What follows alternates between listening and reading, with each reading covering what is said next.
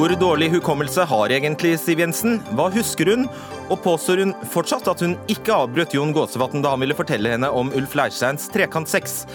Hvis eh, Frp-lederen husker at hun skal til Dagsnytt 18, får vi kanskje svar.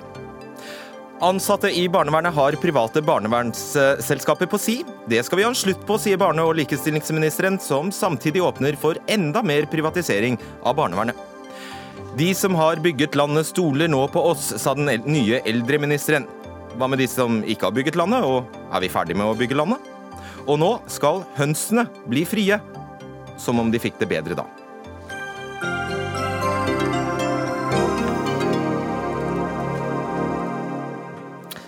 Vel møtt til en ny utgave av Dagsnytt 18. Mitt navn er Fredrik Solvang. Hvordan er det mulig å ikke huske at Jon Gåsevatn var på kontoret ditt, fortalte at han hadde sett SMS-er der stortingsrepresentant Ulf Leirstein foreslo å ha trekantsex med en mindreårig partifelle? Hvordan er det mulig å ikke huske om han bare avviste Gåsevatn med at dette må du ta med generalsekretæren, jeg kan ikke vite noe om dette. Ja, det er spørsmålene alle stiller seg etter at Fremskrittspartileder Siv Jensen og resten av partiledelsen tilsynelatende har fått kollektiv eh, hukommelsessvikt. Tidligere nestleder Per Arne Olsen husker ikke at han ble varslet. Tidligere FpU-generalsekretær Espen Teigen husker ikke e-posten han fikk eh, varsel i, osv. Siv Jensen, finansminister, leder i Fremskrittspartiet, velkommen. Takk for det. Det er jo flott at du husker at vi har en avtale. ja, er det ikke det? ja. Folk spøker på eh, Twitter og overalt eh, om at det er ikke rart vi trenger en eldreminister, så senile som eh, dere tydeligvis har, har, blitt. Hva syns du om at hele landet nå tenker at dere kan umulig snakke sant? Jeg skjønner veldig godt at folk harselerer med dette, og at det fremstår veldig underlig. Men hadde jeg sagt noe annet, så hadde jeg ikke snakket sant. Da hadde jeg faktisk løyet. For sannheten er at jeg ikke husker dette. Eh, jeg har gått gjennom kalenderen min for de to eh, angivelige datoene som eh, har vært nevnt. Og det er ingen spor av at jeg har hatt et slikt møte. Jeg har derimot hatt ganske mye annen aktivitet i de dagene. Men jeg husker det altså ikke. Men det som er viktig, er jo ikke det. Men det er at det er helt åpenbart at vi burde ha grepet fatt i denne saken tilbake i 2012. Det er jo viktig om du ble varslet eller ikke. Ja, selvfølgelig er, helt... er, det viktig. Men uh, som jeg sier, jeg husker ikke det. Og jeg tror nok, med den historien partiet har, uh, at jeg ville reagert uh, med såpass alvorlige påstander som dette. Men det er jeg, akkurat det vi andre tenker òg. Nettopp. Ja, Men jeg har jo for det første ikke noe behov for å gå i liksom en polemikk med de som nå hevder ulike ting. Det vi derimot ser, når vi nå begynner å gå gjennom saken, det er at det er helt åpenbart at det har versert rykter og påstander tilbake i 2012 som partiet ikke grep fatt i. Og det er uh, veldig beklagelig at ikke vi gjorde.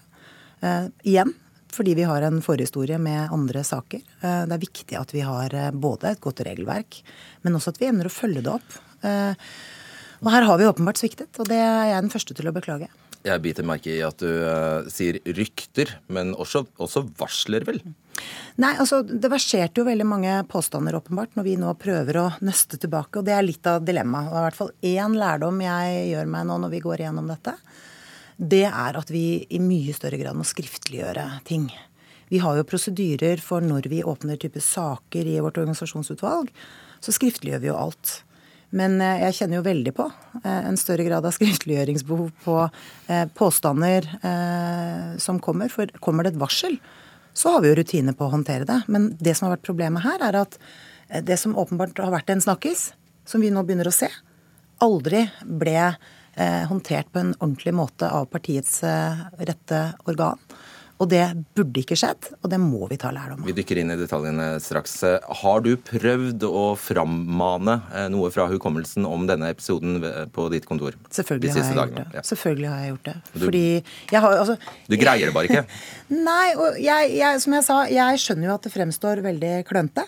Eh, og kanskje litt underholdende for folk på utsiden av dette. Men Lite troverdig? Ja, det kan du godt si. Men først og fremst er jo dette alvorlig for de som er berørt i saken. Eh, for denne gutten ja, ja. som er berørt. Det er jo der, der, alvoret ligger. Men det er klart at eh, for, Nå er det først viktig for meg å si da, at vi har alle et personlig ansvar for vår egen oppførsel. At, på hvordan vi oppfører oss når vi er tillitsvalgte i et parti, og sette våre egne grenser. Så er det partiets ansvar eh, å passe på at vi har gode rammer for det. Og stiller tydelige krav til hva som er forenlig med ja. det å ha tillitsverv i et parti. I ettermiddag, faktisk. Eh, når vi snakker nå, så legger NRK eh, ut en sak på nettet der assisterende generalsekretær Øystein Lie bekrefter at partiet allerede i 2012 varslet, var varslet om saker knyttet til Leirstein. Du har sagt i intervjuer at dette var helt nytt både for deg og partiet. Hvordan forklarer du dette? da? Nei, Jeg holder på å ettergå dette nå. Ehm, det, er, altså, det, vi vet, er at vi har jo hatt en uh, omfattende sak til behandling knyttet til påstander om Leirstein, men dog ikke av seksuell karakter, som ble behandlet av vårt organisasjonsutvalg for en god del år siden. Uh, vi vet jo også at det var en opprivende nominasjonsstrid på dette tidspunktet, men særlig da sant? så burde vi jo tatt uh, denne type mm. påstander enda mer på alvor. Fordi når Altså, én ting er at det er fløyer og, og, og, kamper rundt en nominasjon. En helt annen ting er jo så vidt alvorlige påstander som dette. Ikke sant. Så er det altså dette eh, berømte møtet mellom deg og eh, Jon Gåsvatn, som han hevder fant sted 26.11.2012 på ditt kontor i fjerde etasje på Stortinget. Du hadde etter hans, eh, etter hans, mening vært mest opptatt av å snakke om fremtiden hans, fordi han var nettopp gått ut av Stortinget. Du var opptatt av Du sa sånne ting som at 'jeg har det på blokka', mens Gåsvatn hevder dette skjedde. Så fort ordet sex ble nevnt, så, så stoppet hun meg eh, og uh, sa hun ikke ville vite mer, ville ikke høre mer. Uh, og, og, det forstår du, sa hun. Ta opp dette her med, med Finni, altså generalsekretæren. Husker du ingenting av det? Nei. Men uh, jeg kan i hvert fall si at det skal være trygt å komme til meg og varsle om forhold. Min jobb er jo ikke å saksbehandle det, men å sørge for at partiet behandler sakene på en ordentlig måte av hensyn til berørte parter. Det må vi gjøre. Ja. Eh, det er helt, altså, jo mer jeg ser inn i denne saken, jo dummere ser den ut. Eh, og det er først og fremst alvorlig for de som er berørt. Den ser dum ut for deg også? Ja. Jeg syns jo ikke dette her er et veldig stolt øyeblikk for Fremskrittspartiet. Eh, og det er mitt ansvar at vi får gode rutiner for å håndtere det. Nå har jeg også lyst til å si da, at vi har blitt mye bedre, for vi har lært mye av tidligere saker. Men åpenbart ikke nok. Og jeg mener det er viktig at vi gjør det vi nå gjør. For det første så vi jo, håndterer vi jo denne saken på en ordentlig måte. Eh, så prøver vi å nøste i hva vi burde gjort eh, tilbake i 2012. Eh, så setter vi denne problemstillingen, altså med håndtering av varsler, saker, rykter, på dagsorden i hele vår organisasjon. Det er fint. Det, jo, men dette er viktig, for ja. det handler jo om å høyne vår egen bevissthet. Og unngå at vi gjør sånne typer feil for fremtiden. La meg prøve å eh, sette meg inn i din situasjon den, den gangen på, på, kontoret. Kan Siv Jensen da i 2012 ha tenkt eh, nå, skal jeg bare, nå gjelder det at jeg følger retningslinjene. Og retningslinjene de sier at her skal det varsles. En, det står faktisk at man har en selvstendig plikt til å ta dette videre til organisasjonsutvalget. Kan det være derfor at du sier nå må du ikke fortelle meg noe mer, fordi du skjønner at dess mindre jeg vet, dess bedre er det. Jeg kan ikke bli involvert i dette her. Det hører hjemme i organisasjonsutvalget. Kan du ha tenkt det? Nei, det tror jeg ikke. Men uh, det er veldig vanskelig å spekulere i påstander som jeg ikke uh, kan huske. Uh, derfor så er jeg veldig opptatt av å si at det er uansett mitt ansvar at dette ikke har gått bra. Men jeg husker altså ikke dette, selv om det høres aldri så dumt ut. Og så er det ikke nok og bare si at du må varsle dette til organisasjonsutvalget. Jeg mener også at jeg også for fremtiden må forsikre meg om at sakene blir fulgt opp. Eh, nå har jeg løpende kontakt med eh, partiorganisasjonen for å eh, få løpende oversikt over de varslene vi har mottatt, og forsikre meg om at de blir behandlet på en ordentlig måte. Ble du kontaktet av en kvinne som fortalte samme historie som Gåsvatn? Nei, så igjen, Problemet er at jeg kan ikke huske at jeg har fått varsler om dette tilbake i 2012. Eh, jeg tror at jeg ville reagert eh, med så vidt alvorlige påstander som det nå fremkommer i saken. Eh, det er uansett på det rene at vi har sviktet som parti. Det er uansett på det rene at mange åpenbart har hørt noe uten at det har hadde fått Hadde du hørt disse ryktene? Nei, jeg hadde ikke det. Problemet er fortsatt at vi burde ha grepet fatt i det. Jeg er den første til å beklage det. Jeg skjønner jo at denne gutten reagerer på dette. Eh, og at han hadde ønsket at vi hadde grepet fatt i dette på et tidligere tidspunkt. Jeg er enig i det. Det kom et varsel om disse to SMS-ene til FPUs generalsekretær den gangen, Espen Teigen, 18.1.2013. Teigen innrømmer at han ikke tok det videre. Kjente du til det? Jeg har jo sett eh, hva han har gitt uttrykk for i mediene de siste dagene. Og det bekrefter jo egentlig bare det jeg sier, Nemlig at mange åpenbart har visst, uten at saken har eh, blitt behandlet på en skikkelig måte. Og det burde ikke skjedd. Jeg syns ikke at dette er en spesielt uh, hyggelig sak. Nei. Eh, men nå er det mitt lederansvar å håndtere saker enten det blåser medvind eller motvind. Eh, og det er mitt ansvar å gjøre noe. Det veldig mange påpeker, Siv Jensen, er at du har en viss historie med å ikke huske i slike saker. Ditt eget partis granskingsutvalg konkluderte med at du og resten av ledelsen bevisst holdt informasjon tilbake og gjentatte ganger sa ting som ikke var sant. Det står i den rapporten det ble gitt uttrykk for at det ikke fantes grunnlag for å undersøke forhold rundt Trond Birkedals tidligere forhold. Eh, fordi partiet ikke var kjent med slike relevante forhold. Dette var feil, og partiet ble avslørt av media, står det i din egen rapport. Pleier du å ikke fortelle sannheten i slike saker? Det er jo det folk lurer på nå. Jeg skjønner det, men jeg gjør ikke det. Og jeg er faktisk veldig opptatt av å, å være sannferdig.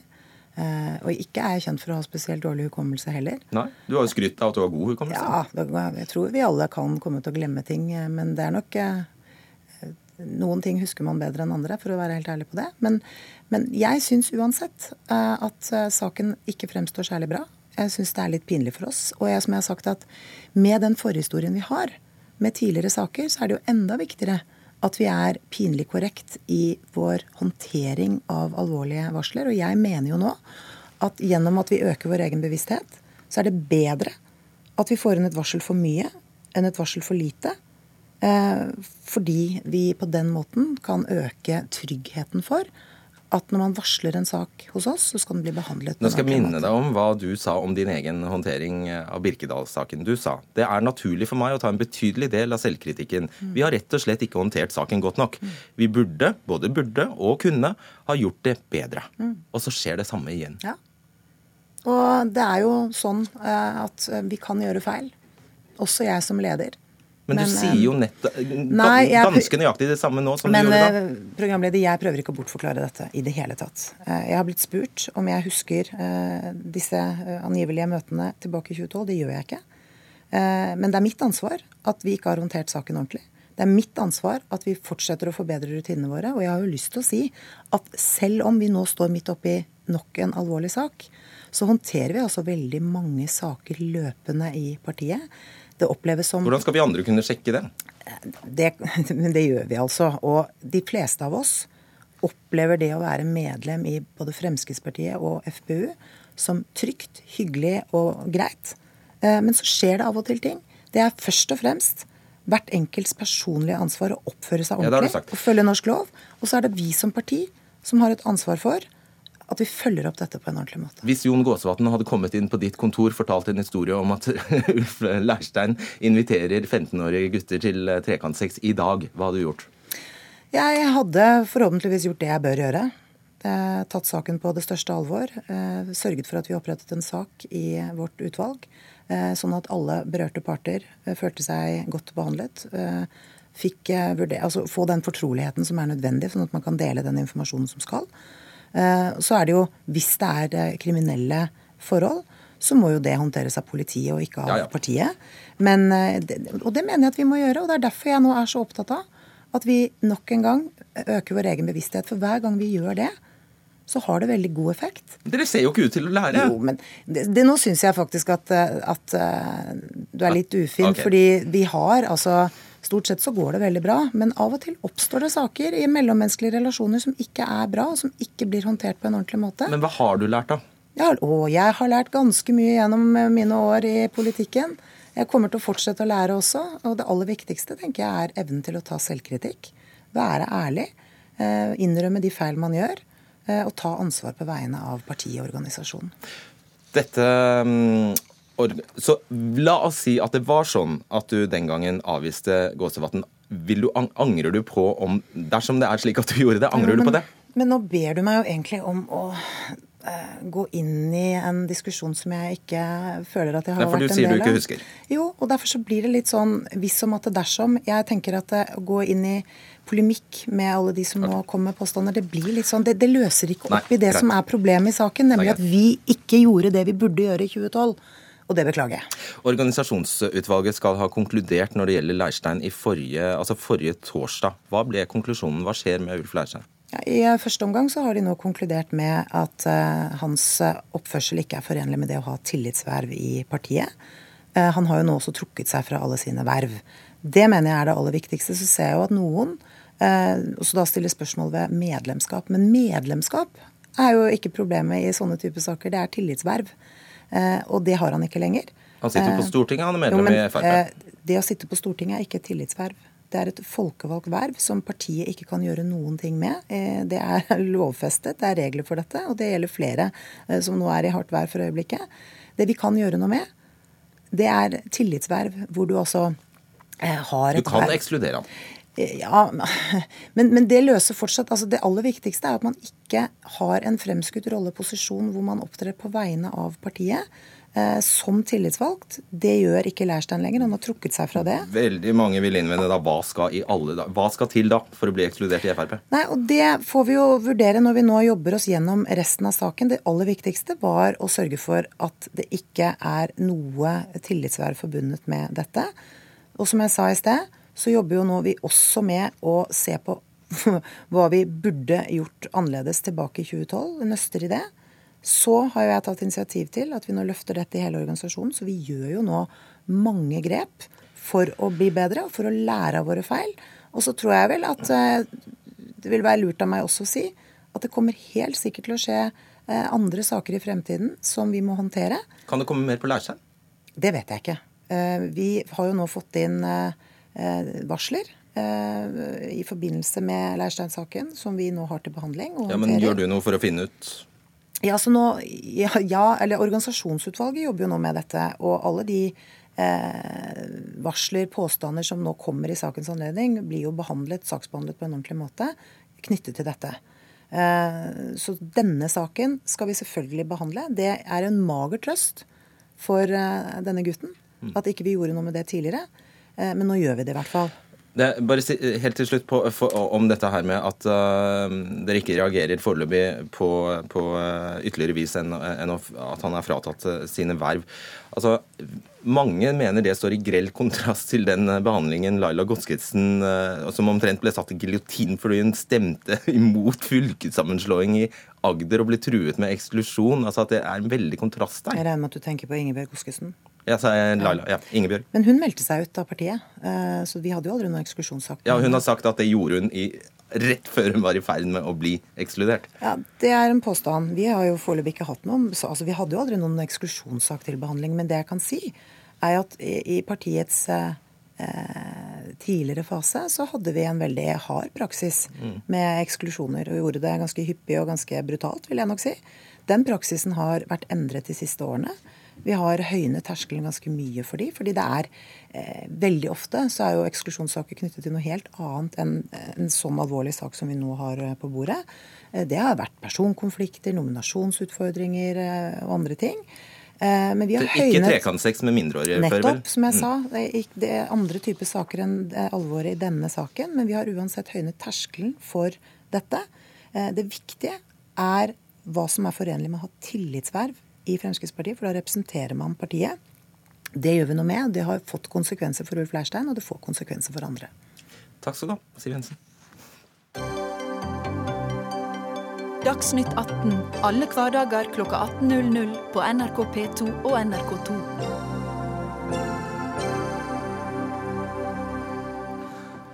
Allerede på første dag i den nye jobben som barne- og likestillingsminister kalte Linda Hofstad Helleland inn direktøren for Barne-, ungdoms- og familiedirektoratet, Mari Trommal, inn på teppet. For en uke siden avslørte nemlig VG at flere titalls offentlige ansatte i barnevernet kan ha hatt dobbeltroller, altså sittet på begge sider av bordet i tiltaksavgjørelser. Se for deg dette scenarioet. Eh, altså en offentlig ansatt i barnevernet har en eierdel eller jobber i et privat selskap som selger tjenester tilbake til det offentlige, og er med på å beslutte fosterhjemstiltaket barnet skal sendes på. Vedkommende velger da å sende barnet til det private tiltaket han eller hun selv tjener penger på. Ifølge VG opplyser 21 offentlige ansatte, av dem åtte barnevernskonsulenter, at de har solgt private barnevernstjenester de siste fem årene i samme kommune eller område hvor de bor. Og her er loven ganske klar, Linda Hofstad Helleland. Dobbeltroller er uakseptabelt, så da slår du inn åpne dører da, når du krever oppvask? Først har jeg lyst til å si at eh, jeg har lyst til å gi en takk til alle de ansatte som jobber i barnevernet, som hjelper de 54 000 barna som er utsatt for uh, omsorgssvikt eller trenger en, en, støtte i hverdagen sin. De gjør en, en formidabel uh, innsats. Og så har jeg lyst til å si at ja, Loven eh, er helt eh, tydelig og klar, men det er Og så kan du benekte at du slår inn åpne dører, hvis du ikke mener du gjør det. det. Det som er viktig for meg, er jo først at jeg følger opp det som min forgjenger Solveig Horne satte i gang, nemlig med en eh, opprydning, sånn at det ikke skal være noen som helst tvil om, eller stille spørsmål om noen har andre motiver enn barnets beste når de fatter beslutninger om tiltak for barn i barnevernet. Ja, nå har jeg allerede gitt beskjed til, eh, til eh, direktøren av, eh, i, i, i direktoratet, som kommer hos på meg på fredagen. Der tar de en full gjennomgang av historikken. De har fått beskjed om at de skal ta en full gjennomgang om noen har dobbeltroller, hvordan man skal unngå det i framtida, hvordan det her kunne ha skjedd. Men det som er viktig for meg nå, er jo å se framover. Og hvordan skal vi sørge da for at arbeidsgiverne og barnevernslederne ivaretar det ansvaret ansvaret som de har, og sørge for at blant sine ansatte så skal det ikke være noen som sitter på begge sider av bordet. Mm. Du skal ikke kun, ikke kun sitte og bestille oppdrag til deg sjøl. Hvis du gjør det, da må du faktisk finne noe annet å gjøre enn å jobbe i det offentlige barnevernet. Og da vet vi at uh, Bufdir har svart at uh, de gjerne ønsker å opprette et register over alle ansatte og deres bijobber. Kun på den måten vil de greie å skaffe seg denne oversikten. Da svarer Kommunal- og moderniseringsdepartementet nei, det kan dere ikke gjøre av hensyn til personvernet. Så hjelper jo ikke, det hjelper jo ikke. Og nå skal jeg få en redegjørelse eh, om det her på eh, fredagen. For jeg er opptatt av at eh, det ikke skal være noen som skal mistenkeliggjøre noen av dem som sitter og, og fatter beslutninger om de tiltakene som barna trenger. At de gjør det ut ifra Men du ser det problemet med personvern? Ja, det gjør jeg. Og nå får jeg jo en nærmere orientering om det på, på fredag. Men nå skal det jo også sies at i VG sin, sin, sak nå, og jeg er jo glad for at VG går eh, inn i dette, her, så avdekker jo dem at det kan være mulighet for dobbeltroller. Eh, nå skal vi komme eh, til bunns i det her, og det er det direktoratet som, som eh, skal gjøre. Eh, og jeg eh, i stedet for å sette en havarikommisjon eller en granskning, offentlig utvalg, som SV nå foreslår, som gjerne kan ta opp til to år okay. før vi får noe resultat, så jeg er opptatt av at eh, vi får rydda opp, at vi kommer til bunns i det, og at vi skal unngå for all framtid at noen okay. skal sitte eh, på begge sider av bordet. Hun kom deg i forkjøpet, Freddy André Øvstegård. Eh, du er stortingsrepresentant for, eh, fra SV. Det er nettopp det dere har foreslått, et slags hva er det, et utvalg? Ja, Vi har foreslått å sette ned et offentlig utvalg for å granske om eh, altså kommersielle interesser kan ha kommet i veien for hensynet til barnas beste i ulike saker da, som har foregått den siste tiden, som VG nå har avslørt. Og, Hva skal skje etter det? Nei, I tillegg så foreslår vi at den skal foreslå eventuelle endringer da, i lovverket, regelverket, for å gjøre uh, gjøre det, helt tydelig at dette ikke skal forekomme. Fordi problemet er jo... Tydeligere enn loven er i dag, som sier at det skal ikke forekomme? Men likevel så forekommer det. Og det er problemet fordi vi nå har hatt en serie med avsløringer om kommersielle uh, interessers uh, inntog i vårt offentlige barnevern, og nå også om da dobbeltroller i, i barnevernet vårt. Så dette skyldes det... privatisering? Ja, det er klart at når man eh, nå har en 25 eh, økning da, i kjøp av private kommersielle eh, barnevernstjenester fra 2013 til 2016, så henger det sammen med denne saken her. Og Regjeringen har nå gjentatte ganger altså fått se disse avsløringene, og man har hver gang møtt det med å kalle inn direktoratet til møter, sendt ut brev osv. Det vi nå trenger, er en politisk ansvarlighet. En utredning? ja, vi trenger å komme til bunns i det. det er helt sant, men vi trenger, ja, vi trenger politiske endringer. Derfor har vi foreslått et representantforslag for å sørge for at at ingen skal måtte uh, ja, være usikker på om man, uh, man får barnas uh, beste ivaretatt. Mm. Ok, Det er jo selvfølgelig, altså vi Åpner du for privatisering, så kan sånn som dette her skje.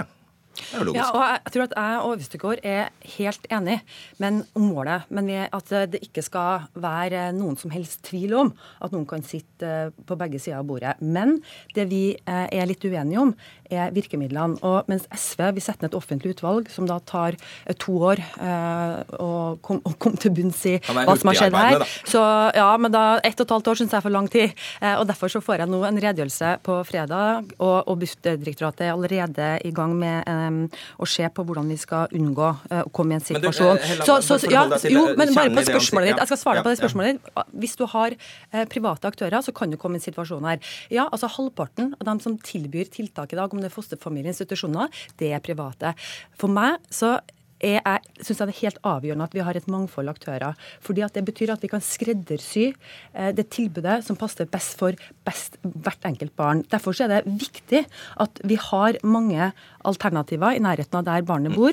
Eh, Men det som er litt interessant, er jo at det er jo under de rød-grønne vi fikk den største veksten av private tiltak. Og det er under rød-grønne vi så at det, det kom færrest føringer om hvordan man skulle ramme inn de private aktørenes mulighet til å utføre sine tjenester. I Det alle dager. Det må du få svar på. Altså, Tallenes uh, tale er veldig veldig klar. Vi ser nå at det, eh, er nå 3 milliarder kroner som blir brukt samla for eh, kjøp av eh, private barnevernstjenester. og Det har økt helt tydelig fra 2013. Så dette er et problem som bare har vokst i omfang. og Det har kommet en rekke avsløringer om dobbeltroller, om at eh, store kommersielle selskaper tapper barnevernet for penger. og Dette er penger som skulle gått til å gjøre barnas tilbud om omsorg og beskyttelse bedre, men i stedet så forsvinner det altså ut. Vil dere kaste ut alle de private? Nei, Vi har jo fremma forslag eh, om å gi ideelle fortrinnsrett foran de kommersielle aktørene. Fordi vi mener at hver eneste krone som er bevilga til barnevernstilbudet, faktisk skal gå til barna som er trenger ideelle, beskyttelse og omsorg. Det er jo non-profit, da, ikke sant? de som ikke tar ut profitt på våre eh, velferdskroner. Vi mener det er mye bedre å rigge barnevernet på den måten, i stedet for å rigge barnevernet for kommers, sånn som vi har i dag, med de resultatene eh, vi ser i dag med VGs avsløringer, at det er dobbeltroller, kommersielle motiver, som kommer i veien for barnas hensyn. OK, du får avslutte. Ja, jeg er mest opptatt av at vi gir ungene et godt tilbud. At vi eh, skreddersyr det som er det, den beste behandlinga og den beste oppfølginga eh, for hvert enkelt barn, og ikke hvem det er som utfører tjenesten. Det er ikke så viktig. Men skal jeg og regjeringa i framtida forsvare bruken av eh, private aktører, så vi er nødt til å stille krav. Vi er nødt til å ha full åpenhet. Vi er nødt til å sette inn et system som gjør at ingen kan eh, misbruke eh, denne muligheten til å sitte og så bestille oppdrag til seg sjøl og tjene penger på barna. For her er det barnets beste som skal være det grunnleggende prinsippet og føringene for alt arbeid som gjøres. Hvis du klarer å gjøres. si noe på fem sekunder, skal du få lov. Altså, det vi lurer på er jo, Nå har vi hatt Nei. en rekke avsløringer, en rekke rot, enormt behov for kontroll. Mitt spørsmål tilbake er når skal man innse at barnevern ikke er egnet for profitt og kommersialisering? Det må jo være utfordringen tilbake. Okay. Når skal man innse det? Takk, Linda Hofstad Helleland og Freddy André Øvstegård.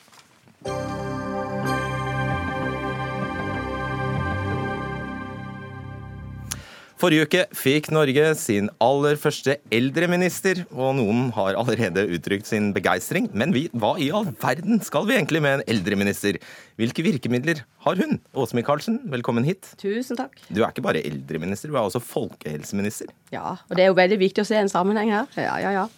Og partiet ditt er Fremskrittspartiet, for ordens skyld. Hva er det viktigste du skal gjøre? Nå er det jo sånn at vi står overfor eh, litt annet både teknologisk skifte, vi får flere og flere eldre, og ikke minst så får vi en gruppe eldre som er veldig forskjellig sammensatt. Eh, vi har veldig aktive eldre som bare ønsker å ta del fleksibelt i det, det livet kan by på, som tar toppturer. Men vi har også, og det er det som er veldig viktig å få med seg, det er veldig mange eldre eldre som sånn sett ikke har det så greit. Ja, Så hva er det viktigste du skal gjøre, spurte. Det viktigste for meg det er å være med og løfte hele saksfeltet som gjelder eldre. Men viste ikke, beviste ikke du nå nettopp at denne gruppa eldre er så heterogen, den er så forskjellig, at det er helt meningsløst med en egen statsråd for dette området, bare for denne gruppa mennesker? Nei, dette er veldig rett. Ser vi til Danmark, som har en egen helseminister, nei, eldreminister, så ser vi jo nettopp det at dette området bare tilbake for ja, 20 år siden, så hadde vi en annen type generasjon av eldre som kanskje var ferdig med arbeidslivet sitt, og hadde kanskje 10-15 gode år før en da eh, livet ebbet ut. Sånn er det jo ikke lenger. Og det er derfor et veldig viktig område som blir mer og mer eh, innfløkt og komplisert, og trenger derfor en eldreminister som kan være med og løfte hele området. La oss gå konkret litt eh, inn på noen av de politikkområdene som eh, gjelder eldre. Dere skal utvide forsøksordningen eh, med statlig finansiert eldreomsorg. Og det til tross for at dette har blitt omtalt som et realt mageplask for FrPs prestisjeprosjekt. Bare seks kommuner er med. Ja, og Hvis en så på den rapporten som nå kommer, og som kommer i dag, og blir omtalt veldig tydelig hva disse seks kommunene mener selv dette har tilført kommunene sine, så ser vi at dette er veldig bra. De er svært fornøyde med eh, de ulike mulighetene de har hatt til å se på sin samordning, se på muligheter for innovasjon, ny kunnskap, eh, muligheter for å sette brukeren, altså den eh, enkelte, i sentrum. Så hvis en ser på rapporten, så er det så langt ifra noe maveplask. Dette er veldig, veldig bra. Jeg gleder meg til å kunne fortsette. Alright. Du, hva er målet med statlig finansiering? Det er å, å, å sikre at det blir en litt mer likebehandling mellom kommunene. Det skal ikke være forskjell på om du kommer fra en fattig eller en rik kommune. Det skal ikke være forskjell på om man kommer fra Lillesand kommune eller om man kommer fra Tysvær. Eh, de eldre skal vite, som andre lovpålagte oppgaver, at de faktisk får den, den, eh, den, den omsorgen, den tjenesten som de har krav på. Og da skal ikke de være en salderingspost på et kommunebudsjett. Mm. Prinsipielt, hvem vet best hvor skoen trykker? De som sitter på Stortinget, eller du som sitter i regjeringskontorene, eller kanskje de eh, politikerne som møter de eldre og de pårørende på samvirkelaget? Det er jo et samspill. Jeg forstår veldig godt hva, hva kommentatoren her vil fram til i forhold til lokaldemokrati, og det skal det også være. Men det hindrer jo ikke at det kan komme fra staten tydelige føringer på hvordan man ønsker å ha det. Og det er jo nettopp for vi har sett at det er forskjellsbehandling for våre eldre, og vi må sikre mer likebehandling. Så dere stoler ikke på kommunene? Det er egentlig bottom line er at det, Nei, for dere lar, lar, dem ikke få styre pengene? Det er på lik linje. Ta skolesektoren f.eks. Akkurat det samme der. Vi stoler på lokalpolitikerne også. Ikke i grunnskolen, der, men, der styrer kommunene. Men staten må ha tydelig føring der vi ser at det er en forskjell. Og det ønsker vi å fortsette med. Ja. Du viser til uh, ulikhet. Altså, uh, vi vet det er enormt ulik kommunestruktur her i, i, landet. Ulike løsninger når det gjelder uh, spredt bosetting pga. spredt bosetting. Forskjellige behov, rett og slett. De siste tallene fra Samdata viser at 89,1% av mottakerne hadde fått sykehjemsplass etter 0 til, etter, etter 0 til 14, 14 dager etter vedtak. Det er snittet. Mm. Det er ikke verst. Nei, det er ikke verst, men det kan bli bedre. Og vi ser jo det å, å bygge sykehjemsplasser, eh, sikre at det, når behovet er der, at du kommer inn. At du ikke må gå inn i en ventekø, selv om det kan synes som om at det ikke er lang tid. Så er jo egentlig hver dag en dag for mye. Du vil jobbe eh, for et demensvennlig samfunn. Hva i all verden betyr det?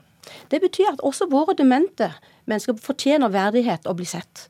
Altfor mange der ute, der blir en bare eh, ja, Som en ser innenfor demensområdet, så er det veldig mange som ja, de har sine lyse øyeblikk. Og det er å bli møtt som en, et enkeltindivid. Å bli møtt med det menneskeverdet som en skal ha, det er viktig.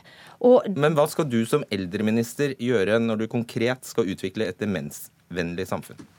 Det som er viktig for oss, det er først og fremst å ha systemer som ivaretar den enkelte bruker. Og hvilken sykdom, om man er dement eller hvilke andre sykdommer man har bak seg. Det viktigste er jo at det fungerer. Den vanlige, daglige tralten ja, dette fungerer. gjøres i kommunene, vi trenger ikke deg. De trenger så absolutt at det kommer tydelige, tydelige, føringer på hva vi ønsker å ha for å få likebehandling for våre eldre. Right, da har vi fått uh, besøk av to andre her. Det er Erik Lunde, gruppeleder for Oslo KrF. Og så er det eldrebyråd nå i eh, Eirik, unnskyld. Eh, eldrebyråd i Oslo kommune for Arbeiderpartiet, Tone Tellevik eh, Dahl. For hva var det første Åse Michaelsen sa da hun tiltrådte? Jo, hun lovet å levere så godt hun bare kan. Hun sa også dette. De som har bygd landet, de stoler nå på oss. Og vi skal få dette her. Men hva betyr det? At de som har ikke bygd landet, at de ikke fortjener en egen statsråd? Eller er landet ferdigbygd? Eh, hva er, du, hva er, det du, mener med dette? Ja, altså alle, alle har en rett på den behandlinga, uansett om en bruker det billedlige og har vært med å bygge landet. Det er helt klart. Så det er det jo ikke tvil om. Her skal vi sikre at alle skal få de tjenester som de har krav på. Så du la ikke noe i det? Eller altså absolutt noe i forhold til, og, en forståelse eh, i forhold til de som sånn sett har slitt lange land. De har da også sin rett til å få sine tjenester levert. Eirik Lunde, du var ikke begeistret da du hørte dette. Hvorfor ikke? Nei, Jeg har hørt dette uttrykket mange ganger i forbindelse med løfter om å eh, bedre eldreomsorgen. Eh, og jeg tror det er godt ment. Eh, men det er en litt problematisk argumentasjon. At vi skal gi en gruppe en, et omsorgstilbud fordi de har gjort seg fortjent til det, fordi de har bidratt til noe eller bygd opp landet. Og det her kan jo høres ut som en bagatell. Men i fjor så skrev jeg en bok som heter 'Uønsket menneske i sorteringens tid'. Hvor jeg så litt på hva slags ubevisste mekanismer som gjør at vi skiller mellom menneskers verdi. Eh, og en av de tingene som er i ferd med å snike seg litt inn, det er at vi mener at noen mennesker er en byrde, andre mennesker er en ressurs og bidrar mye. Og at vi skiller litt mellom mennesker på det grunnlaget. Eh, og jeg tror jo ikke at Åse Michaelsen gjør det, og jeg tror at Åse Michaelsen kommer til å gjøre en god jobb som eldreminister, men jeg skulle ønske at vi la akkurat dette bort. Fordi det er veldig mange grupper i vårt eh, samfunn som kanskje ikke har vært i stand til av ulike årsaker å bidra like mye til å bygge landet. Enten det er syke, rusavhengige, ikke minst funksjonshemmede, eh, som i like stor grad fortjener Eh, et omsorgstilbud og verdig behandling. Verdig behandling det skal vi jo få fordi vi er mennesker, ikke fordi vi har bidratt til noe. Og igjen, Jeg, jeg tror ikke Åse Michaelsen eller andre i Frp som har brukt dette argumentet veldig ofte, mener noe vondt med det, men jeg skulle ønske vi kunne slutte med det. Fordi, fordi det gir på en måte inntrykk av at vi, at vi, at eh, vi gjør oss fortjent til å, å få et omsorgstilbud. Vil du slutte å si det, eller vil du fortsette å si det? Altså, jeg tror ikke vi skal liksom diskutere retorikken i det. Det viktigste er jo det er det vi gjør, da. det er jo nettopp det, altså. Men det som er viktig, det er jo at vi har, vi har de eldre, vi har brukerne i sentrum. Og med dette med verdighet, dette med å bli sett, dette med å, å, ensomhet, som vi ser Nå har faktisk eh, Storbritannia klart å, å opprette en egen ensomhetsminister. Eh, det betyr jo at vi setter disse menneskene i sentrum, uansett hvilken bakgrunn, hva de kommer fra, eh, hvilken yrkebakgrunn de har hatt. Det er jo nettopp det, en likebehandling. Og det er jo det vi har vært innom tidligere i dag. Trenger jo ikke å gå på bekostning av noen, dette her, eh, Lunde. Altså, vi har barneminister, vi har helseminister, vi har ja, osv. Ja, jeg tror det kan være flott å ha en eldreminister, så det er overhodet ikke noen kritikk av det. Og det, mitt, mitt hjertesukk var at jeg tror vi alle skal slutte å bruke det som begrunnelse. Samtidig så tror jeg vi skal være rause med å anerkjenne folk som uh, har vært med å bygge opp landet. Men det er ikke noe begrunnelse for å gi dem et godt eller dårlig omsorgstilbud. Uh, det skal alle få fordi de er mennesker og fortjener en verdig behandling. Ok, da er vi enige om det. Tone Tellevik eh, Dahl, syns du det er et poeng med eldreminister? Ja, altså jeg ser vel, jeg tenker at Høyre og Frp tok en liten sånn egenevaluering og så at de ikke hadde levert på eldrepolitikk de siste fire årene, og at det kanskje kunne da være klokt med en eldreminister. Så sånn sett så er jeg sånn forsiktig optimist og ser fram til et godt uh, samarbeid. Men det som overrasker meg litt, det er jo at når Fremskrittspartiet da har fremforhandlet en egen ministerpost for eldrepolitikken, så har de altså ikke tatt med seg et av de viktigste punktene, syns jeg, da, i deres eget partiprogram, nemlig at man skal videreføre ordningen hvor staten er med med å delfinansiere oppgradering og rehabilitering av sykehjem. Nettopp for å kunne møte eh, den fremtidige veksten i eldrebefolkningen med moderne tilbud. Hva er det som står der nå, da? Nei, Det som står i regjeringsplattformen, er at man, eh, kommunene kun vil få investeringstilskudd, som det da heter, eh, til netto tilvekst av sykehjemsplasser. Og Det betyr jo at vi ender opp med A- og B-lag. De aller fleste som bor på sykehjem i dag, og som vil bo på sykehjem fremover, vil bo på eksisterende, utdaterte, skikkelig ja, Nei, du må være mer pedagogisk. Netto tilvekst av sykehjemsplasser, ja. det betyr at man bare får tilskudd til å bygge nye, flunkende ja, nye sykehjemsplasser. Helt nye, som øker Ikke kjedelig rehabilitering. Nei, det er det det, betyr. Og da blir det A- og B-lag. det stemmer, Åse Michaelsen. Hvor har det blitt av den setningen? Altså Her må man jo bare se litt på historikken. Allerede i 1995 så begynte jo staten å gi tilskudd til rehabilitering av. Og Noe av det første denne regjeringa gjorde da den tiltrådte, det var jo nettopp å øke den prosentandelen fra 35 til 50% Nettopp for å øke takten, sånn at mer og mer ble eh, altså rehabilitert av de eksisterende plassene. Og så er det jo sånn man er jo ikke ferdig med å rehabilitere nå, da? Nei, altså absolutt ikke. Og det skal også fortsette. Det, dette vil fortsette helt fram til 2021. 2021. Så det er jo ikke sånn at slåen går for, øh, altså for her i løpet av et par måneder. Sånn er det jo ikke. Og så tenker jeg det er viktig at vi legger om takten, for vi vil jo nettopp bygge mer. Vi vil ha flere sykehjemsplasser som kan møte. Og da må kommunene jo kjenne sin besøkelsestid. Som sagt, vi begynte i 97. Og Det må tas en del grep her, òg i kommunene. Jeg har selv vært kommunepolitiker i 16 år og vet hvor viktig det er å klare å tenke på to ting på en gang. Men Jeg skjønner ingenting, eh, Telvik Dahl. fordi I valgkampen 2009 eh, så kom dere med dette famøse løftet om 12 000 i Arbeiderpartiet. kom dere med dette famøse løftet om 12 000 nye sykehjemsplasser fordi det var skrikende behov for det. Og nå sier du nei, det er ikke behov for nye plasser. Hvordan henger dette sammen? Av de 12 000 de har, jo heldigvis eh, den rød-grønne regjeringen eh, klart å innfri på. Det ble 567 plasser innen 2015 var lovnaden, og, eh, og der i, i, det tallet var det også rehabilitering.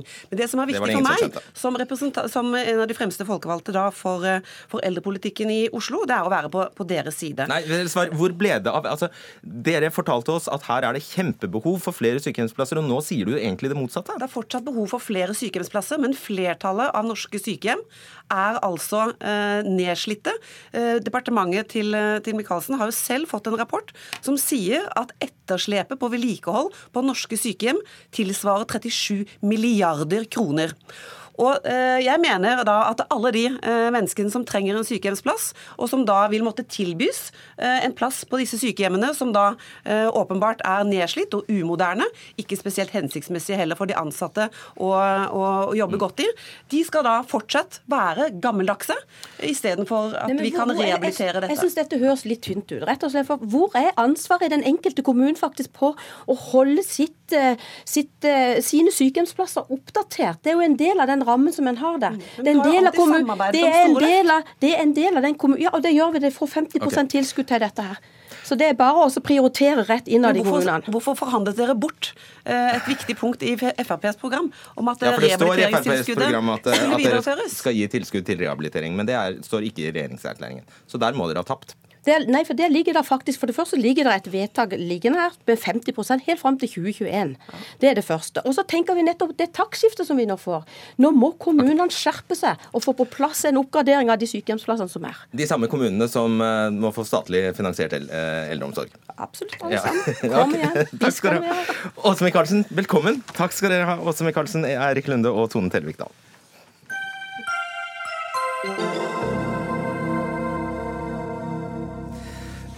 Vi skal snakke om noe ganske annet. Flere høner må gå fritt. Det krever Nortura etter nye krav fra matindustrien, kan vi lese i Nasjonen denne uka. Og Det betyr at 40 eggprodusenter må legge om produksjonen fra å ha høns i bur til frittgående. Men hva betyr frittgående? Det ikke, har det egentlig noe å si for dyrevelferden hvorvidt en høne går fritt eller ikke? Nei, sier du. Tone Steinsland, du øh, jobber i Norsk Fjørfelag. På hvilket grunnlag kan du si det? Ja, dette er noe som dere er forska mye på, og forskningen er ganske samstemt for en gangs skyld. At en kan ikke konkludere med at en av de tre driftsformene som vi har i Norge, er mer dyrevennlige enn den andre.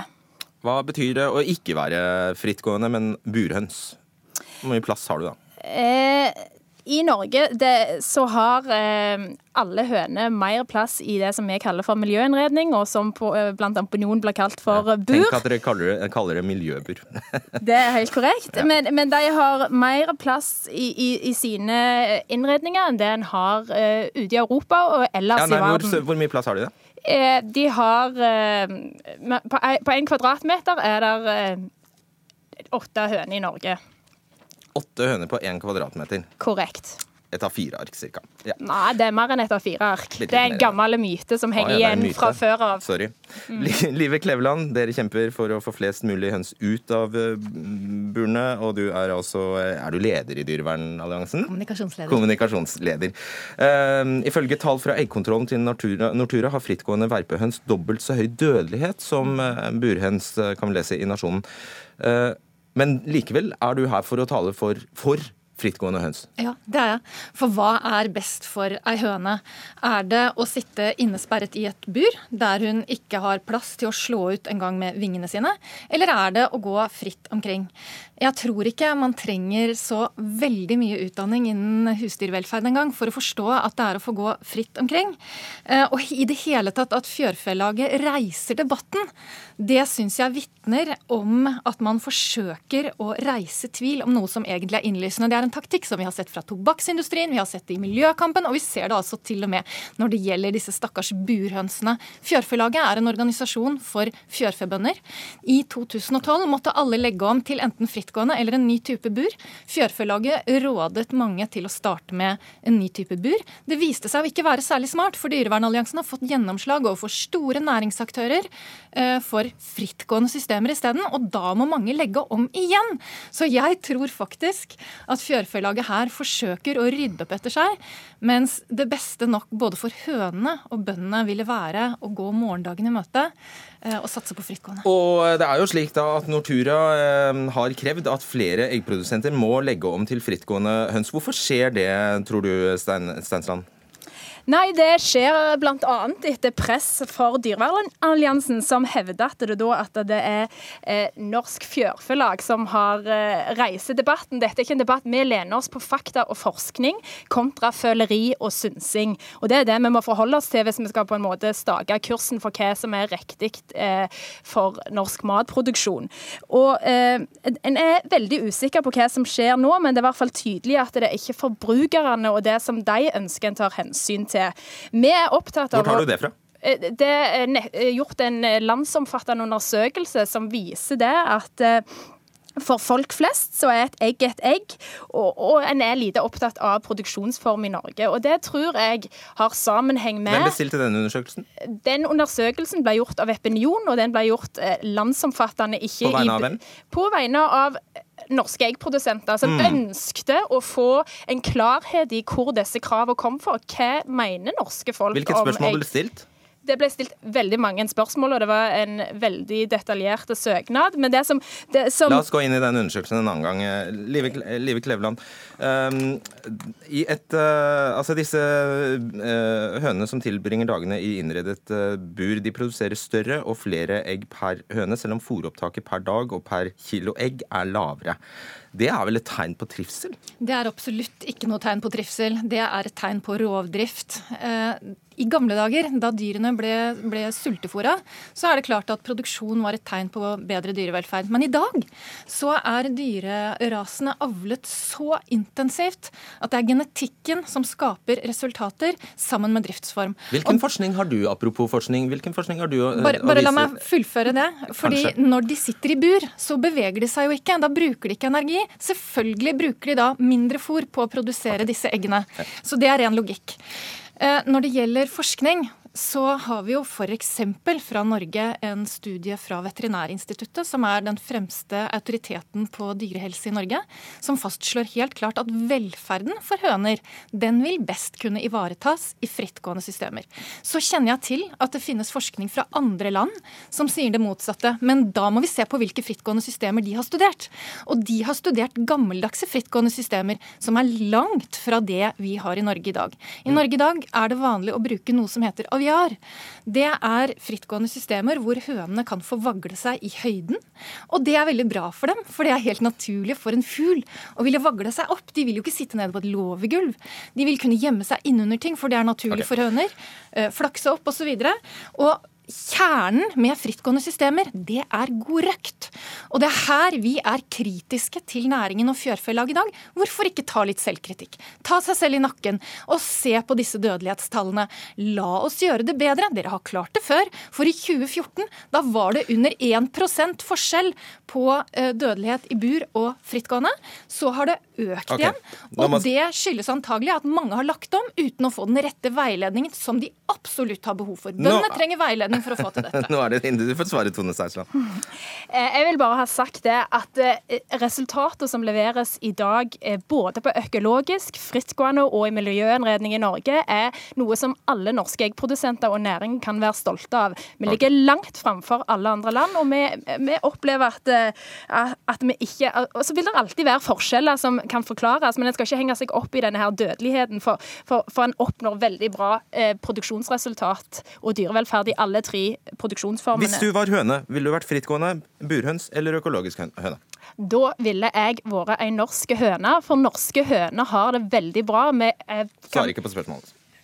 Jo, jeg ville vært ei norsk ja, høne. Alle var norske. ja, men, men, men, dyrevelferden, dyrehelsa, mattryggheten er veldig bra i Norge. og det, det er noe Tips som jeg opp, opptar Ja, det, vi ligger langt framfor resten av, av, verden, inkludert Sverige og Danmark. Og det er noe norske forbrukere skal vite, at uansett så kan de spise norske egg med god samvittighet. Jeg må sette strek der. Beklager, Tone Steinsland og Live Kleveland. Takk. Hør Dagsnytt 18 når du vil Radio NRK NO.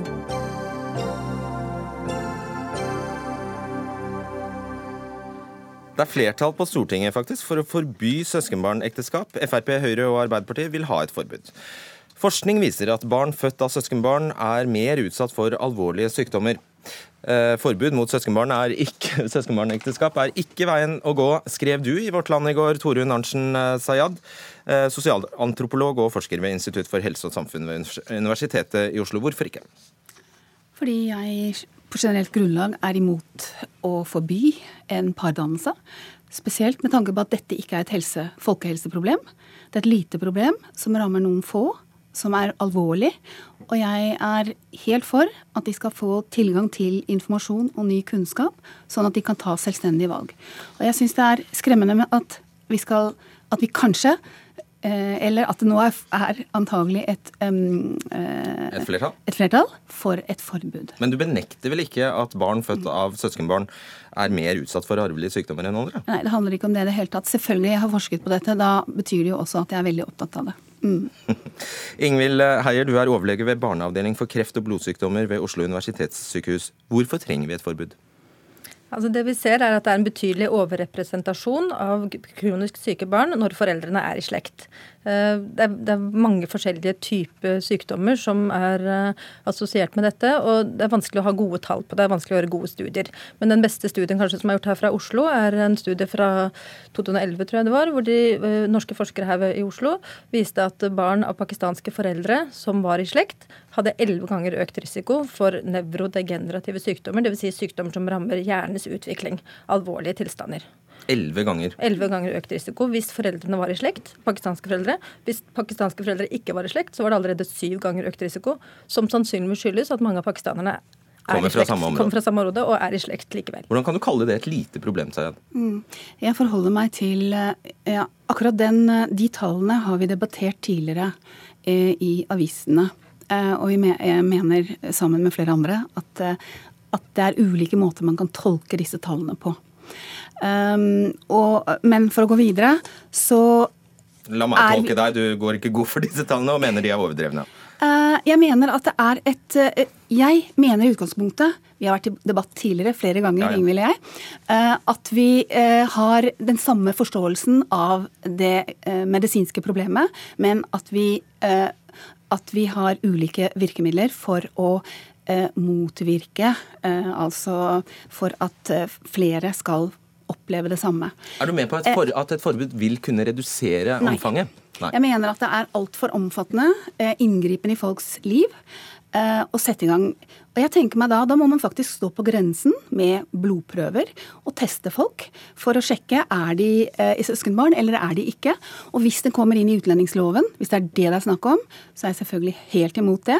fordi da må man stå og ta disse blodprøvene. Og så vet vi at de aller fleste som, kom, som praktiserer eh, slektskapsbaserte ekteskap kommer fra samfunn altså de som kommer utenfra, kommer fra samfunn der man bare kan kjøpe seg en attest. Det betyr at folk kan gå under radaren.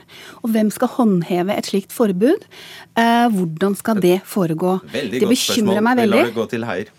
Altså det med håndheving er jeg for å være helt ærlig ikke så veldig opptatt av. Det er ikke mitt problem. Da. Mitt anliggende er at, at fungerer? Nei, altså Det viktigste er at vi øker oppmerksomheten rundt dette. Og det vi vet er at i tillegg til de medisinske problemene som dette er knyttet til, så er det også betydelige sosiale problemer. Ungdom som vokser opp i Oslo i dag, er født her i Norge har på en måte et livsløp lagt fordi storfamilien har planlagt at du skal gifte deg med en fetter eller kusine som du ikke har møtt en gang. Det er sjelden at det er intense forelskelser i disse tilfellene. Dette er arrangerte ekteskap. Og så er det kjempeenkelt å omgå, som vi hører her. Ja, men storfamilien arrangerer dette. Det betyr at det er veldig vanskelig å trekke en skillelinje mot hva som er reell tvang. Det handler om en sosial, strukturell tvang her.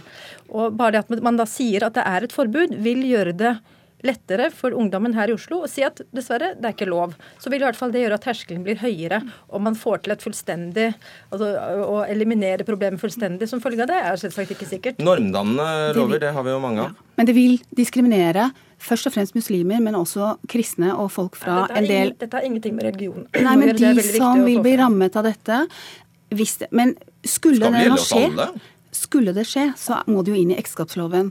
Og så er det jo sånn at disse studiene som, eh, som, både Heier og jeg kjenner godt til, eh, de viser at en tredjedel av de medfødte misdannelsene og det vi snakker om, eh, barnedød osv., opptrer i pakistansk norsk-pakistanske familier. En tredjedel i norsk-norske familier og en tredjedel i samiske og andre minoritetsgrupper i Norge. Det betyr at det at det er mange som vil bli rammet av det.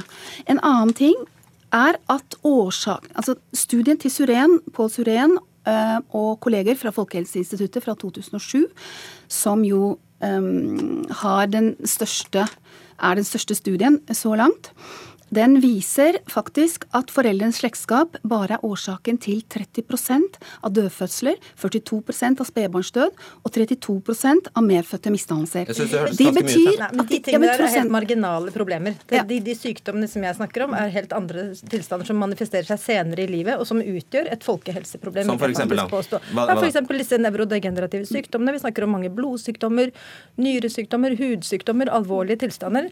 Og de, de som inngår i den studien der fra 2007, det var kun ting som manifesterte seg ved fødselen. Så det er, det er en bitte lite del av bildet, bare. Så det de antyder, er at tallene kan være høyere. Det samme de finner i dette materialet, er at kvinner over 40 år har den samme risikoen som søskenbarn. Uansett nasjonalitet. Søskenbarn som får barn sammen.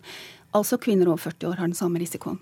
Skal man forby 40 års gamle kvinner å få barn? Nei da. Og vi skal heller ikke eller forby dem andre. å røyke. Eller, altså, det er selvsagt ting man fraråder. Men her mm. snakker vi om, om eh, en, en, en, sosial institusjon som har vært forbudt tidligere i Norge, det skal sies. Det var, det var, det var, før det var til og med dødsstraff i Norge for dette tidligere. Syns ikke vi skal gjeninnføre det, men, men eh, men eh, det er på en måte, i tillegg til de medisinske, så er det betydelige sosiale problemer knyttet til det. Og jeg tror at det ville påskynde den strukturelle moderniseringen av det pakistanske kulturen. Og det er primært der dere skiller dere. Det er, ja, det er en veldig etnosentrisk måte å forstå ekteskapet på. Og jeg er altså imot det, fordi jeg mener at det er mange som dessuten heller ikke vil, vil kunne få tilgang til den kunnskapen som genetikerne har. Altså, er du, er du forelder og, og har et barn med et helseproblem, så kan du ikke identifisere at du er søskenbarn.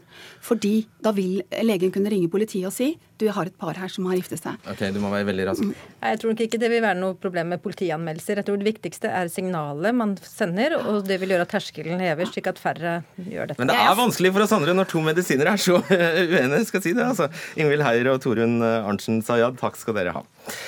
Dagsnytt 18 er over for i dag. Vaktsjef var Arnhild Myklebust Eggen. Teknisk ansvarlig var Hilde Tosterud, og i studio satt Fredrik Solvang.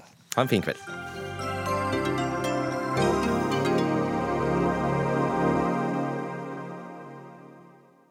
Studio 2. Tyske sosialdemokrater har kastet inn håndkle og gått i regjeringsforhandlinger med Angela Merkels kristeligdemokrater. Motvillig. Blir det regjering med noe futti av sant? Studio 2 i morgen klokken 16. Studio 2 på NRK P2.